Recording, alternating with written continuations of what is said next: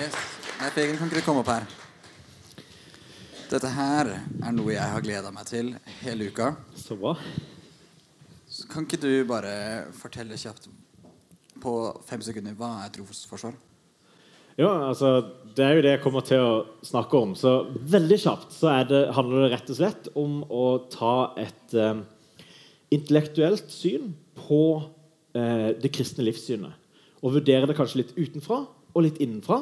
Og vurdere er det sant i utgangspunktet. Eh, jeg har kalt dette et krasjkurs i trosforsvar. Og det er fordi at jeg har nokså liten tid til å snakke om ganske mye. Eh, og det betyr at jeg, når jeg snakker nå, så kommer jeg til å ta ting ganske sånn på overfladisk nivå. Og så håper jeg at det inspirerer eh, en del her til å gå litt mer i dybden, undersøke sjøl. Eh, vi får mulighet til å stille spørsmål etterpå, så hvis det dukker opp noen spørsmål, lagre det i hodet eller skriv det ned, eller et eller annet, og så eh, still spørsmål etterpå. Eh, jeg tar gjerne ting som har med det, vi, det jeg snakker om, men også andre ting som har så jeg, jeg vil helst at det skal handle om kristendommen. da. Det er gjerne andre religioner i forhold til kristendommen. Helt greit. Men kjernen handler litt om kristendommen, så er jeg fornøyd. Eh, I utgangspunktet så skal jeg fortelle litt om hva, hvorfor og hvordan eh, vi driver med trosforsvar. Og så skal jeg bruke ett praktisk eksempel. Eh, først hva er trosforsvar? Jeg har delt opp i tre kategorier med hva det er. Eh, trosforsvar handler på mange måter om filosofi. Eh, og så er det verdt å si at Jeg studerer filosofi. Jeg holder på med mastergrad i filosofi, så når jeg sier at dette handler om filosofi, så kan det være litt biased. Men jeg, jeg tror det er sant allikevel. Eh, det handler litt om å tenke klart om hvordan virkeligheten egentlig er. Eh, og stille spørsmål om hvordan er dette livet? Hva betyr det om virkeligheten vi lever i? Eh, det er store spørsmål. Og så tror jeg også det er mulig å, å snakke noe eh, konkret og håndterlig om den typen ting også. Så vil jeg også si at det, er også bibelsk. Eh, et sånn yndlingsvers blant de som driver med, med trosfasade, er 1. Peter 3, 15, eh, der, eh, der Peter sier da at eh, du alltid skal være forberedt på å forsvare det håpet du eier, men gjør det med ydmykhet og respekt. Det er veldig viktig at hvis vi ikke gjør det med ydmykhet og respekt, så tror jeg mye av hensikten med det forsvinner. Eh, så er det også eh, når, vi, når vi spør Jesus hva er det aller mest sentrale med Gamle testamentet, det, det var det noen eh, fariseere på Jesu tid som utfordra ham på. Og da svarte han jo, jo, hør nå her. Det er da eh, du skal elske Herren din Gud av hele ditt hjerte, hele din sjel, all din kraft og hele ditt sinn. Og du skal elske din neste som deg sjøl. Så vi skal elske Gud med alt vi er, inkludert hodet. Så hodet er en del av det vi skal bruke når vi eh, lever i den virkeligheten som vi lever i. Og Det vil jeg si, det er jo bare helhetlig og bra. Det er godt å høre at uh, vi skal bruke hele oss, at vi ikke trenger å legge hodet igjen når vi går inn her og driver lovsang. og sånn. Vi kan faktisk ta med oss hodet. Det er en fin ting. Eh, så vil jeg også påpeke at alle bøkene, altså alle evangeliene i Bibelen de påpeker på et eller annet vis at det de, snakker, det de, prøver på her, det er faktisk å beskrive virkeligheten på en god måte. Lukas han begynner, um, han begynner sitt evangelium med litt sånn her. Ærede Teofilos, grunnen til at jeg skriver til deg i dag, det er fordi at jeg sjøl har undersøkt med øyenvitnene, Sånn at du kan få lov til å være sikker på at det du har fått opplæring i, faktisk er sant.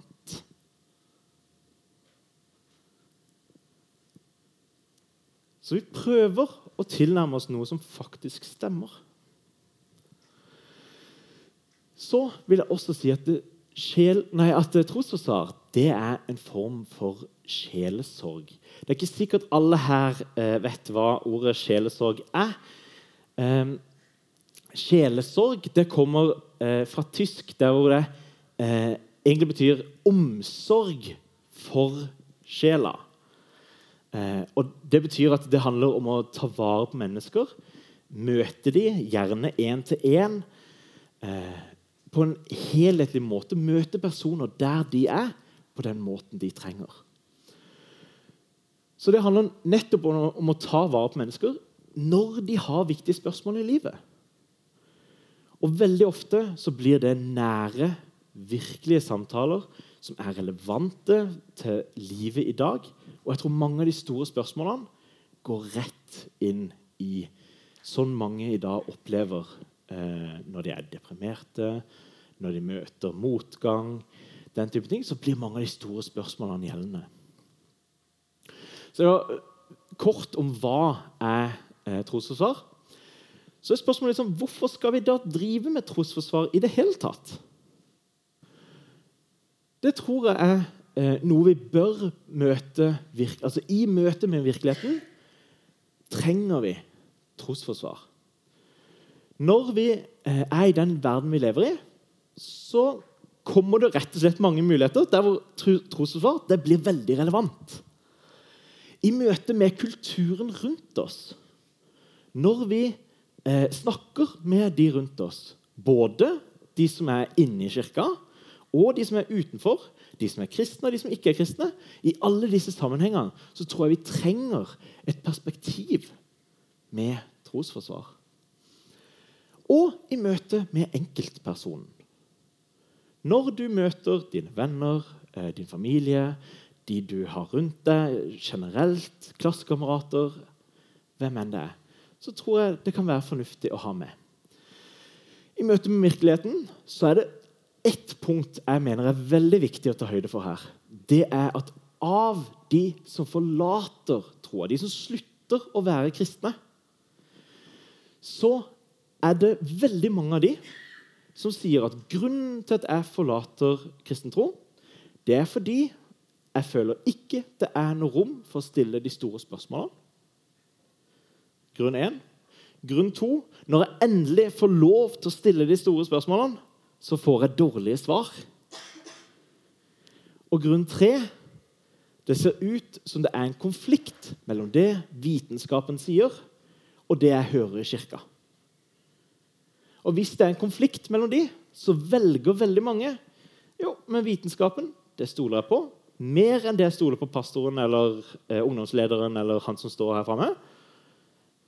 Så da velger jeg å gå den veien som ikke leder til Kristus.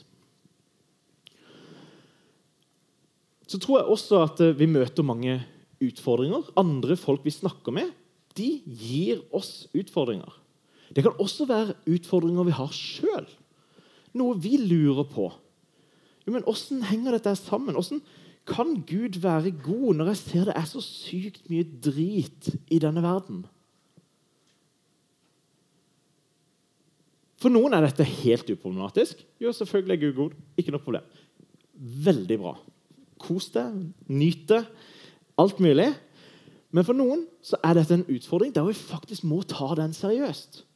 Og jeg tror særlig i og med at det i hvert fall For min egen del så er det aller aller, aller viktigste det er å eh, nærme virkeligheten, eh, nærme sannheten. Jeg ønsker å vite hva er sant. Og hvis jeg skal finne ut hva er sant, så må jeg være åpen, ærlig og undersøkende når jeg møter den virkeligheten jeg møter. I kulturen så møter vi masse fordommer eh, i mange forskjellige slag. Det kan være 'Å ja, er du en sånn kristen?' Alle kristne er sånn. Eller det kan være 'Å ja, tror du på eventyr?'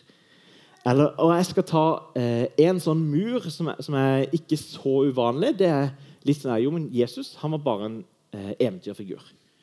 Det kommer jeg tilbake til senere. Det blir test, min testcase. så tror jeg at i møte med kulturen så er det viktig å bygge broer. Bryte ned murer, bygge broer. Snakke med og til, og ikke over og til, men med. Og så lytte. Hvis ikke du lytter, så er det veldig lite hensikt i å prate. I møte med enkeltpersonen, enkeltpersoner som har, eh, opplever tvil, eh, kanskje de møter motgang i livet, eller kanskje de bare er undrende. De lurer litt. Da er trosforsvar en veldig god nøkkel. Eller eh, bodybuildene. Altså, eh, det er å bygge opp det eh, Det er den kroppen vi lever i i Kristus. Eh, så det var litt om hva det er, og hvorfor vi bør gjøre det. Åssen bør vi gjøre det? Jo, eh, jeg nevnte lytte. Det er utrolig viktig å lytte. Eh, lytte både for å forstå og for å være åpen for innvendinger. Hva er det denne her som, som jeg nå trenger å lytte til? Hva, hva, er det denne personen ønsker, tenker på, faktisk grubler på? Så det må være en ærlig, åpen lytting for å forstå hvor kommer den jeg snakker med, fra. Så er det viktig å stille spørsmål. Eh, spørsmål det er veldig god måte å faktisk komme fram til hva er det egentlig vi tenker på her. Eh, hvis du spør spørsmål som 'Hva mener du med det?' Eller eh, kom du til den konklusjonen?' Ok, jeg, jeg hører du sier det. Eh, før jeg begynner å i det hele tatt svare på dette, hva mener du egentlig? Hvorfor er dette viktig? Den typen spørsmål som, som navigerer sånn at vi vet hva snakker vi egentlig om her. Og På den måten så utvikler du samtalen til å bli noe som er mindre overfladisk og mer grunnleggende. Det at spørsmål er så sentralt, betyr også at du trenger ikke ha utrolig mye kunnskap. Det kan faktisk være kjempegivende å bare spørre, undre, lure. Snakke sammen, ha en god samtale hvor vi går i dybden på et tema. I sterk kontrast til Snapchat, ti sekunder maks, eh, så kan du her gå altså Jeg oppfordrer til å faktisk gå i dybden når du er med mennesker. Og hvis det da er sånn at du får masse spørsmål, eller du får ting du ikke klarer å svare på Og det tipper jeg skjer. Og det er en bra ting. Det er en mulighet for deg til å lære nye ting. Undersøke ting. Du kan sjekke fakta, du kan sjekke innvendinger og utfordringer. Så er det sånn at Noen ting er lettere å sjekke enn andre. For eksempel, det er lettere å sjekke historiske beviser for Jesu eksistens. Det er litt sånn Google, så, så klarer du å finne mye. Litt vanskeligere liksom, hva er rett i denne situasjonen litt vanskeligere å google. Så vil jeg si at når vi driver og undersøker, så bør vi være skeptiske. Både til det vi møter, men også til oss sjøl. Til vårt eget standpunkt.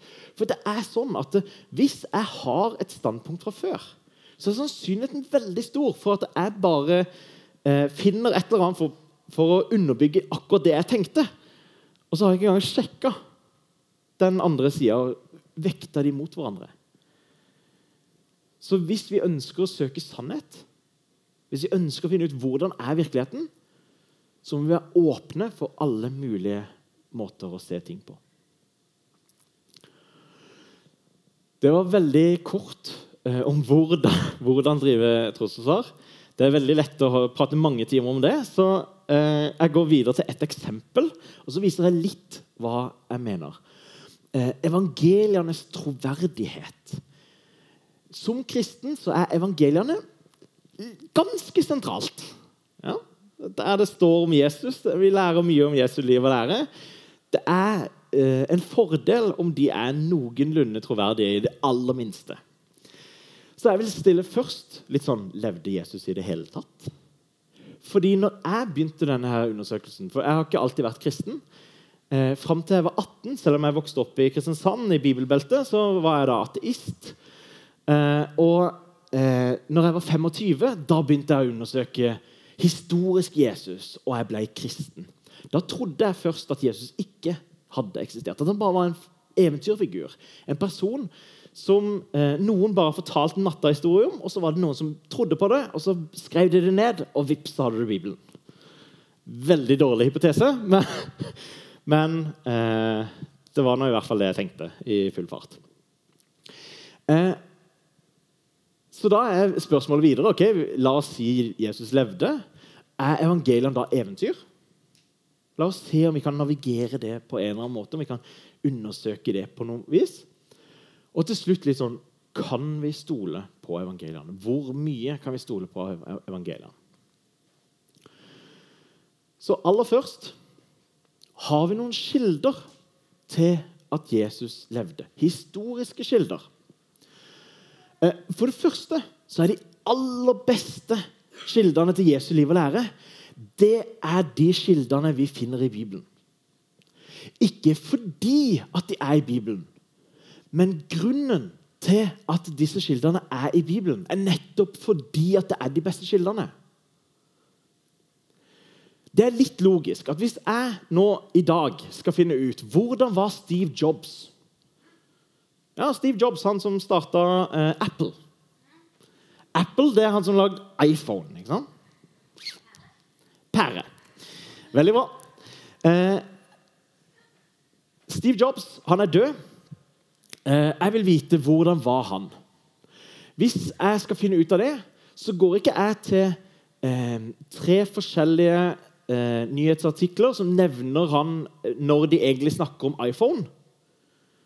Og så nevner de navnet hans. Det, det er dårlige kilder til hvordan han er. Da går jeg heller til hvilke biografier har de skrevet om han. Og så samler jeg kanskje de, sånn at jeg kan lese de alle sammen. Det er en god måte å finne ut hvordan var Steve Jobs på. Det er måten de har gjort her i Bibelen. Da de samla biografiene, fire biografier Markus, eh, Matteus, Lukas og Johannes er biografier om Jesus som de har samla. For dette er de mest troverdige biografiene vi har. Disse biografiene de samler vi, og så samler vi de sammen med tekster som er skrevet av de som var nær Jesus. De som har eh, kunnet prate på vegne av Jesus, og som har prata i henhold til det Jesus sier. Da har vi Paulus og Peter og eh, Johannes brev og alle disse her andre bøkene.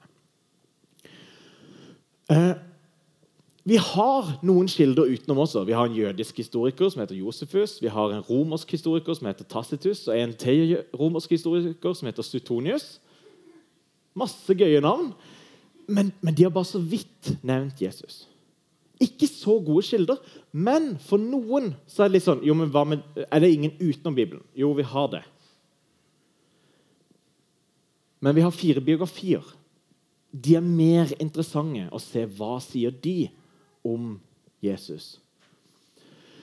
Innen år 130 Jesus han døde i enten år 30 eller år 33. Så innen 100 år etter Jesu oppstandelse så er Jesus nevnt av over 25 personer som vi har skriftene til i dag. Det høres kanskje ikke så mye ut, for det, er litt sånn at det, det kan være at når vi går herfra, så tar det en uke så har kanskje 25 eh, personer her snakka om det som skjedde i dag. Eh, og Kanskje har de til og med gjort det på Facebook eller på Twitter eller Snapchat. eller et eller annet. Så vi har til og med liksom, skrifter. Veldig bra. Um, på Jesu tid så var ikke Internett en greie. Jeg håper ikke jeg overraska noen nå. Men eh, der er det sånn at eh, 25 personer Det er ut utrolig mye. Det er sånn at en keiser på Jesu tid En av lederne av Romerriket, det største riket på den tida. Han hadde mindre enn 25 personer de neste 100 årene. Så at en person som lever i en eller annen bakgate i Romerriket, har så mange som har nevnt han, det er faktisk ganske overraskende. Ok, Så vi har en del kilder til at Jesus levde. Men det betyr jo ikke egentlig så mye. Det er mange som har levd. Det er ikke så interessant å bare vite at en person har levd. Så vi kan spørre oss eh, Har vi noen grunn til å tro at evangeliene er troverdige kilder? Har vi noen grunn til å tro at eh, de snakker noe mer enn bare om en eller annen historisk person som har eksistert? Det er litt sånn at eh, Evangeliene er stappfulle av geografiske og historiske fakta som vi kan dobbeltsjekke i dag. Og igjen så må jeg minne om at på Jesu tid så fantes ikke Google Maps. Så det var ikke sånn at du bare kunne gå på nettet og sjekke hvor langt er det derfra til dit. Hva heter den der lille byen der? Det er sånn at Enten så må du kjenne noen som var akkurat der fra før, eller så må du ha vært der sjøl. Og kanskje, i hvert fall om de store byene, og sånn, så har du kanskje hørt om det. og, og litt sånn, Men små plasser har du sannsynligvis aldri hørt om. aldri vært. Det var ikke vanlig å reise så mye som det vi gjør i dag heller. Eller så langt som det vi gjør i dag. Så eh, det at de treffer på disse tingene, det viser at det, det ser ut som de har en kjerne som faktisk stemmer. De eh, treffer de riktige byene, til og med småbyer. De treffer eh, hvor lang tid det tar å reise fra den ene til den andre plassen. Faktisk så hender det at noen i dag sier nei, Bibelen er ikke troverdig, fordi at når du eh, ser på kartet derfra til dit, så ser du at det kunne de gjort unna på eh, tre dager, men her står det at de brukte syv. Så spør du en lokalkjent der så finner du ut at det er ingen som går der, for der er det et gigantisk fjell imellom. Så du går rundt. Så det er til og med bedre førstehåndskunnskap enn å gå på Google Maps og bare trekke en linje. Så En av de tingene som var ganske sentrale for at jeg begynte å ta liksom, evangeliene seriøst, det var at de treffer på navn. Navnestatistikk det er gøy. Vi vet alle sammen at noe av det mest spennende vi kan prate om, det er navnestatistikk. Derfor skal jeg snakke litt om navnestatistikk. For det er sånn at i dag så går vi på ssb.no og så finner vi ut hvor mange kalte barnet sitt det og det eh, i fjor. Og så har vi statistikk hele veien bakover. Denne typen statistikk er veldig enkel å få tak i. Men igjen må jeg minne om på Jesu tid hadde de ikke Internett. Så på Jesu tid så fantes ikke disse registrene. På Jesu tid så var det ikke navnestatistikk. Det var ikke sånn at de eh, sjekka hvor mange heter dette og hvor mange heter dette. Det var ikke så interessant. Fordi at stort sett så, så holdt de seg i små grupper, små byer. Og det var litt sånn at eh, eh, hvis du hadde samme navn. okay, Så bare kalte vi han ene tolleren og den andre eh, fiskeren. Og så, så fiksa vi det, liksom. Og det, det vi ser i evangeliene, det er at eh, når vi matcher navnestatistikk som vi har samla i dag Altså, i 2005 er første gang vi har navnestatistikk fra Jesu tid. Det de samla bl.a. ved å sjekke gravsteiner, ved å sjekke eh, historiske dokumenter, hvilke navn blir nevnt, den typen ting. Og så finner de ut her kan vi lage navnestatistikk. Som selvfølgelig er veldig gøy. Og så matcher de den med evangeliene. Og så ser de hva er var vanlige navn, hva var sjeldne navn. Og så finner vi plutselig ut at det er faktisk en grunn til at når du leser om eh, Jesus som har stått opp fra grava, så er det da Maria, Maria, Maria og Salome som går til grava. Og Vi kunne tenke litt sånn der, ok, kanskje de er veldig lite kreative. Men så finner vi ut at grunnen til at det er Maria, Maria, Maria og Salome, er fordi at en tredjedel av alle damer på den tida het Maria eller Salome.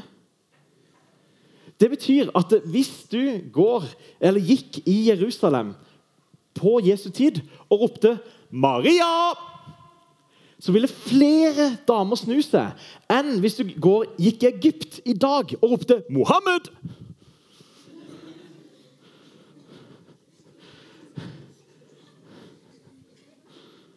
Mange flere!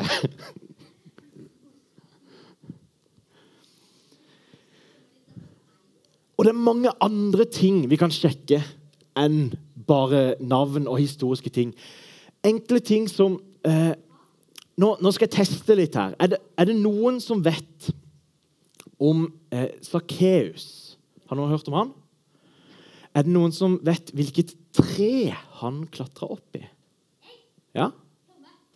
Godt forsøk. Er det noen andre forslag? Ja? Et morbærtre. Veldig bra.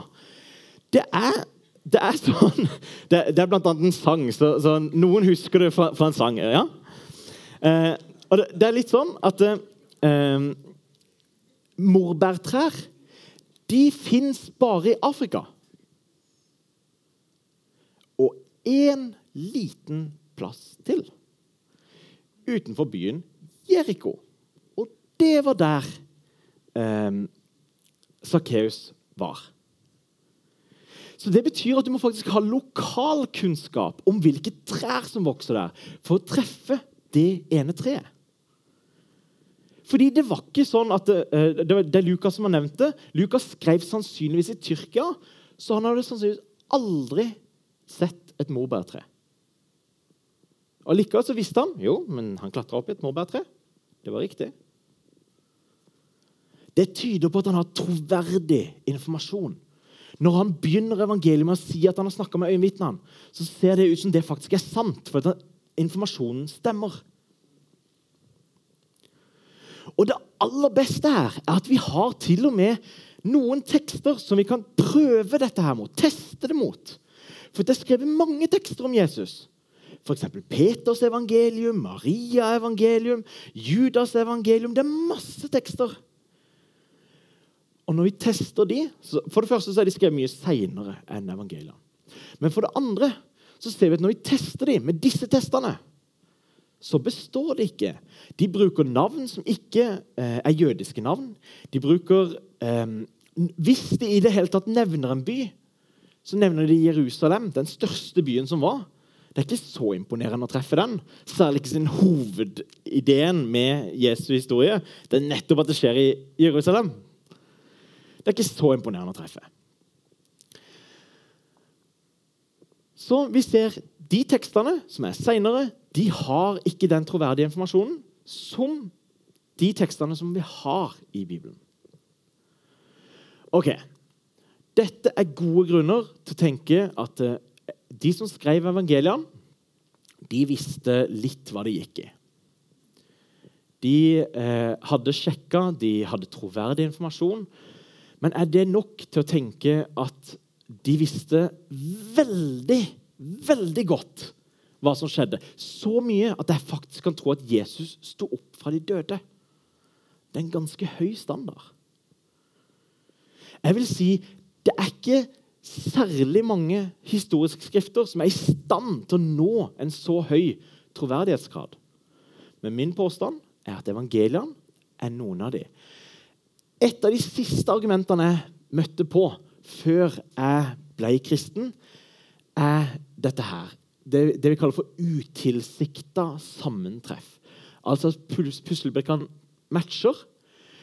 Eh, det er litt komplisert å forklare selve argumentet, så i stedet for å gi et eksempel, for det er mye, mye lettere å forstå. Før Jesus mater 5000, som er en av veldig få historier som står i alle fire evangeliene, så kan vi lese uh, i alle fire evangeliene og så kan vi se hvordan stemmer disse her overens. Da ser vi i Markusevangeliet Han sier noe sånt som dette her, at disiplene de eh, måtte hvile, så de trakk opp i høyden fordi mange kom og gikk. Ok, Mange kom og gikk. Ikke veldig interessant. Det er bare en info. Så leser vi i Johannes-evangeliet. Eh, disiplene måtte hvile, så de trakk opp i høyden fordi påska var nær. Ok, Åssen henger dette her sammen? Jo eh, Hvis vi går til Lukasevangeliet, så finner vi ut at dette her var like utenfor en by som het Betzaida.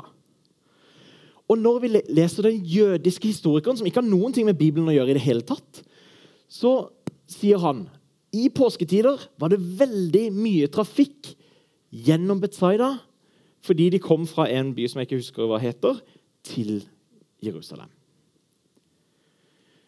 Så da får vi plutselig at denne her, mange kom og gikk, og påska var nær, er to informasjoner som ikke ser ut til å ha noen ting med hverandre å gjøre, men de utfyller hverandre perfekt. Det er sånn en skulle forvente hvis en intervjua øyenvitner som var til stede og forteller troverdig informasjon. Vi har flere elementer her. Eh, det at eh, Markus nevner at gresset her er grønt. Og Johannes han merker, eh, merker seg at det var masse gress. Og vi tenker litt sånn Ja, eh, masse gress. Eh, gress er grønt. Selvfølgelig er det grønt. Men så viser det seg at når vi går der i dag, så ser vi at gresset det var grønt én måned i året. Rett etter regntida. Nettopp når påska er. Så det matcher hverandre. Det gir mer informasjon. Det forklarer hverandre ting som virker helt ubetydelige.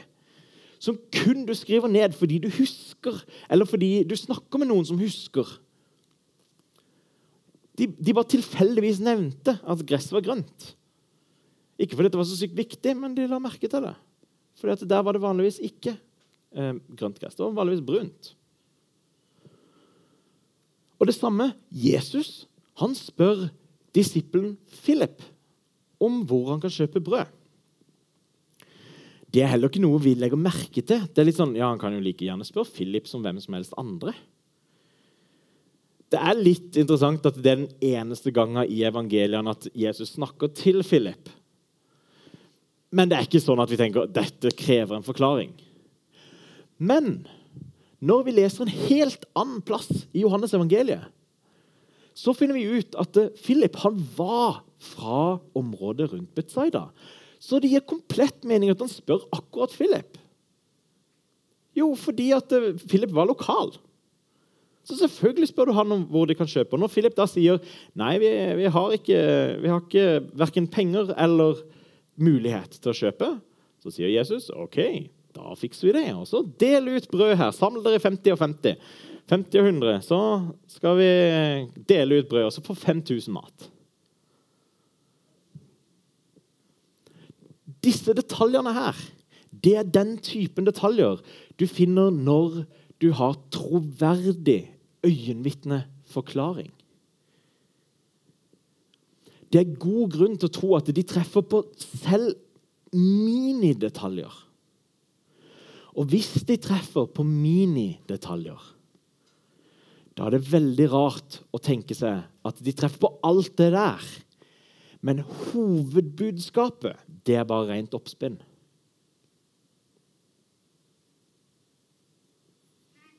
Det var det som gjorde at jeg satte meg ned og begynte å lure. Kanskje jeg må ta dette her virkelig seriøst. Det ser faktisk ut som om Jesus ikke bare var en historisk person som det var mye prat om, men det var en historisk person som døde på korset og sto opp igjen fra de døde. Han gjorde det som Gud. Det er nettopp fordi han var Gud, han kunne overvinne døden og ta den straffa vi fortjener, på seg.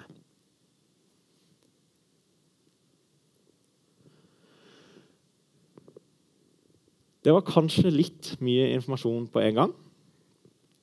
Eh, dere skal få litt tid å eh, fordøye det på. Eh, jeg vil avslutte litt sånn her, eh, før, vi får litt tid til å tenke på spørsmål Jeg vil veldig gjerne oppfordre alle som sitter her, til å undersøke og være nysgjerrige. Undersøk virkeligheten. Søk sannheten. For det er sånn at uansett hva sannheten er, så tåler sannheten de aller vanskeligste spørsmål det er mulig å stille. Og jeg tror, basert på min erfaring, at når du gjør det, så kommer du til samme konklusjon som meg. Nemlig at Jesus er nei, at Jesus snakker sant når han sier 'Jeg er sannheten, veien og livet'. Da tar vi to minutter med pausemusikk, var det sånn? Og så er det mulig å stille spørsmål på det nummeret der.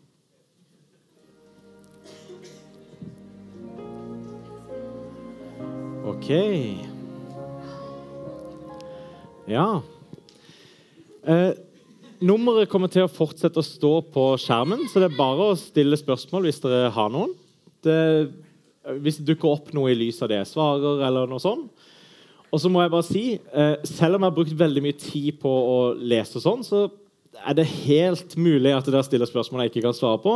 Da sier jeg 'vet ikke', og så sier jeg 'takk for et spørsmål som jeg kan undersøke', og så går vi videre. Ok, Er det noen spørsmål som er klar? Ja, eh, jeg syns dette her var ganske kult. Eh, hvorfor skal vi tro på det som står i Bibelen, kontra det som står i Koranen? Ja, veldig bra. Eh, så når jeg vurderte eh, Når jeg vurderte kristendommen i utgangspunktet, så vurderte jeg også islam. For en av de tingene jeg trodde fra før, det var at det, altså, som jeg begynte å tro når jeg var 18, det var at det fantes en eller annen gud som hadde skapt universet. Men den guden kunne like gjerne være eh, Allah som den kristne gud, eller en eller annen gud vi ikke hadde peiling på. Så eh, Det betyr at jeg måtte også se litt på eh, islam. Og jeg har også sett eh, en god del på islam i etterkant også. Eh, så jeg tenker litt sånn her. Eh, det er presentert nå som har argumenter for å mene at evangeliene de er troverdige. Sånn kan du også gjøre på Koranen.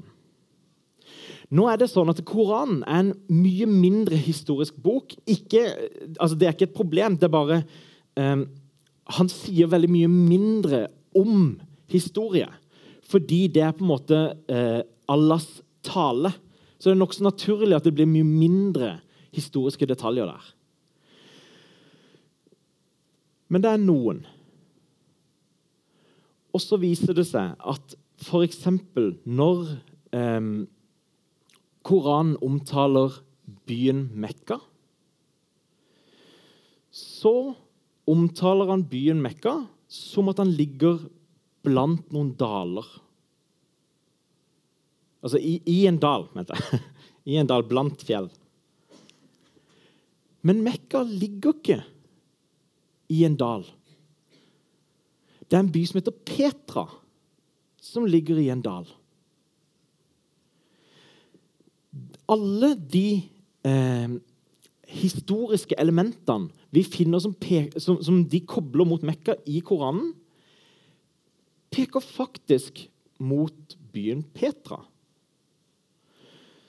Så det betyr at det, til og med på en litt sånn overfladisk måte så treffer ikke eh, de historiske detaljene sånn som de gjør i evangeliene. Så Det betyr at det, til og med på en litt sånn overfladisk måte så kan du si det ser ut som Koranen er mindre troverdig. Så vil jeg også si at på et mer eh, grunnleggende nivå så er Jesus Han er eh, praktisk talt kjærlighet personifisert. Når du leser om Mohammed, så er ikke han kjærlighet personifisert på noen som helst måte. På, eh, det var feil. På noen måter. Han tar vare på eh, eldre damer. Veldig, det er veldig viktig å ta vare på eldre damer. Det er veldig viktig å ta vare på fosterbarn.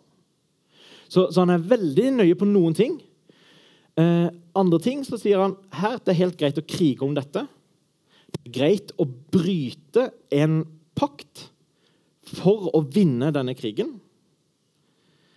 Så det ser ut for meg, når, når jeg ser med, med, mine moralske briller i dag, så tenker jeg liksom dette virker ikke for meg som hellig åpenbaring. Det er to grunner. Eh, det er mange flere, men to kjappe grunner. Har vi noen flere spørsmål? Ja. Det er lyd her. Ja. Ja. Eh, Hva er den beste måten å forsvare troen på når noen stiller vanskelige spørsmål og personlige spørsmål som strider med deres identitet? F.eks. da noen som er homofile, som da strider med Bibelen. Mm. Eh, jeg, jeg, først og fremst så vil jeg si eh, Når jeg begynte å snakke om trosforsvar, så sa jeg at eh, et av de versene vi hviler på, det handler om ydmykhet og respekt. Så brukte jeg et vers som handler om kjærlighet. Det betyr at uansett hvordan du navigerer denne samtalen, gjør det med ydmykhet, respekt og kjærlighet. Noen ganger er det lettere enn andre. Eh, når vi møter mennesker for de menneskene de er, eh, så tror jeg ofte det er hensiktsmessig å ikke gjøre det eh, så personlig at det føles som et personangrep når du sier noe.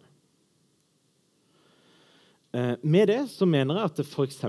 når eh, Hvis du snakker med en som er homofil, og du mener homofili det er faktisk ikke riktig i det hele tatt, så er kanskje ikke måten du sier det på, det er Du, din synder, hold deg unna herfra. Ja. Det kan være å bygge mer bro. Litt sånn OK, jeg, jeg mener homofili er synd, eh, men jeg er også innforstått med at jeg gjør ting som er synd. Jeg gjør masse som er synd. Jeg er synder sjøl. Kanskje jeg heller kan bygge en bro her og si vi er begge syndere på hver vår måte. I det minste så er det en lettere inngangsport, selv om du da likevel må, må diskutere er homofili egentlig en synd. Eh, det er en, en sånn type samtale som kanskje kommer uansett. Eh, eller som, som, kommer uansett. Eh, så, så, så, den er likevel verdt å navigere med, men begynn i hvert fall med å bygge en bro.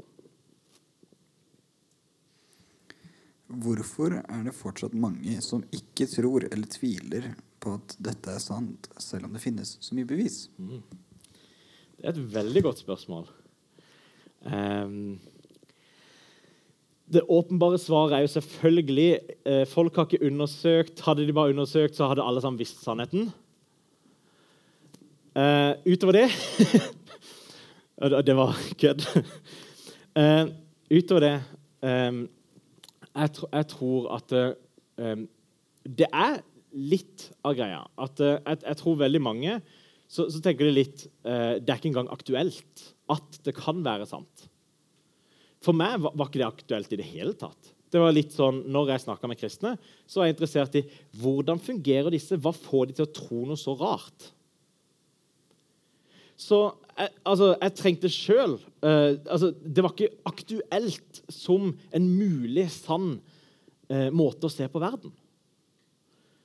Jeg trengte at noen åpna den porten først. For meg så det ut som at vi begynte med å snakke om begynnelsen på universet.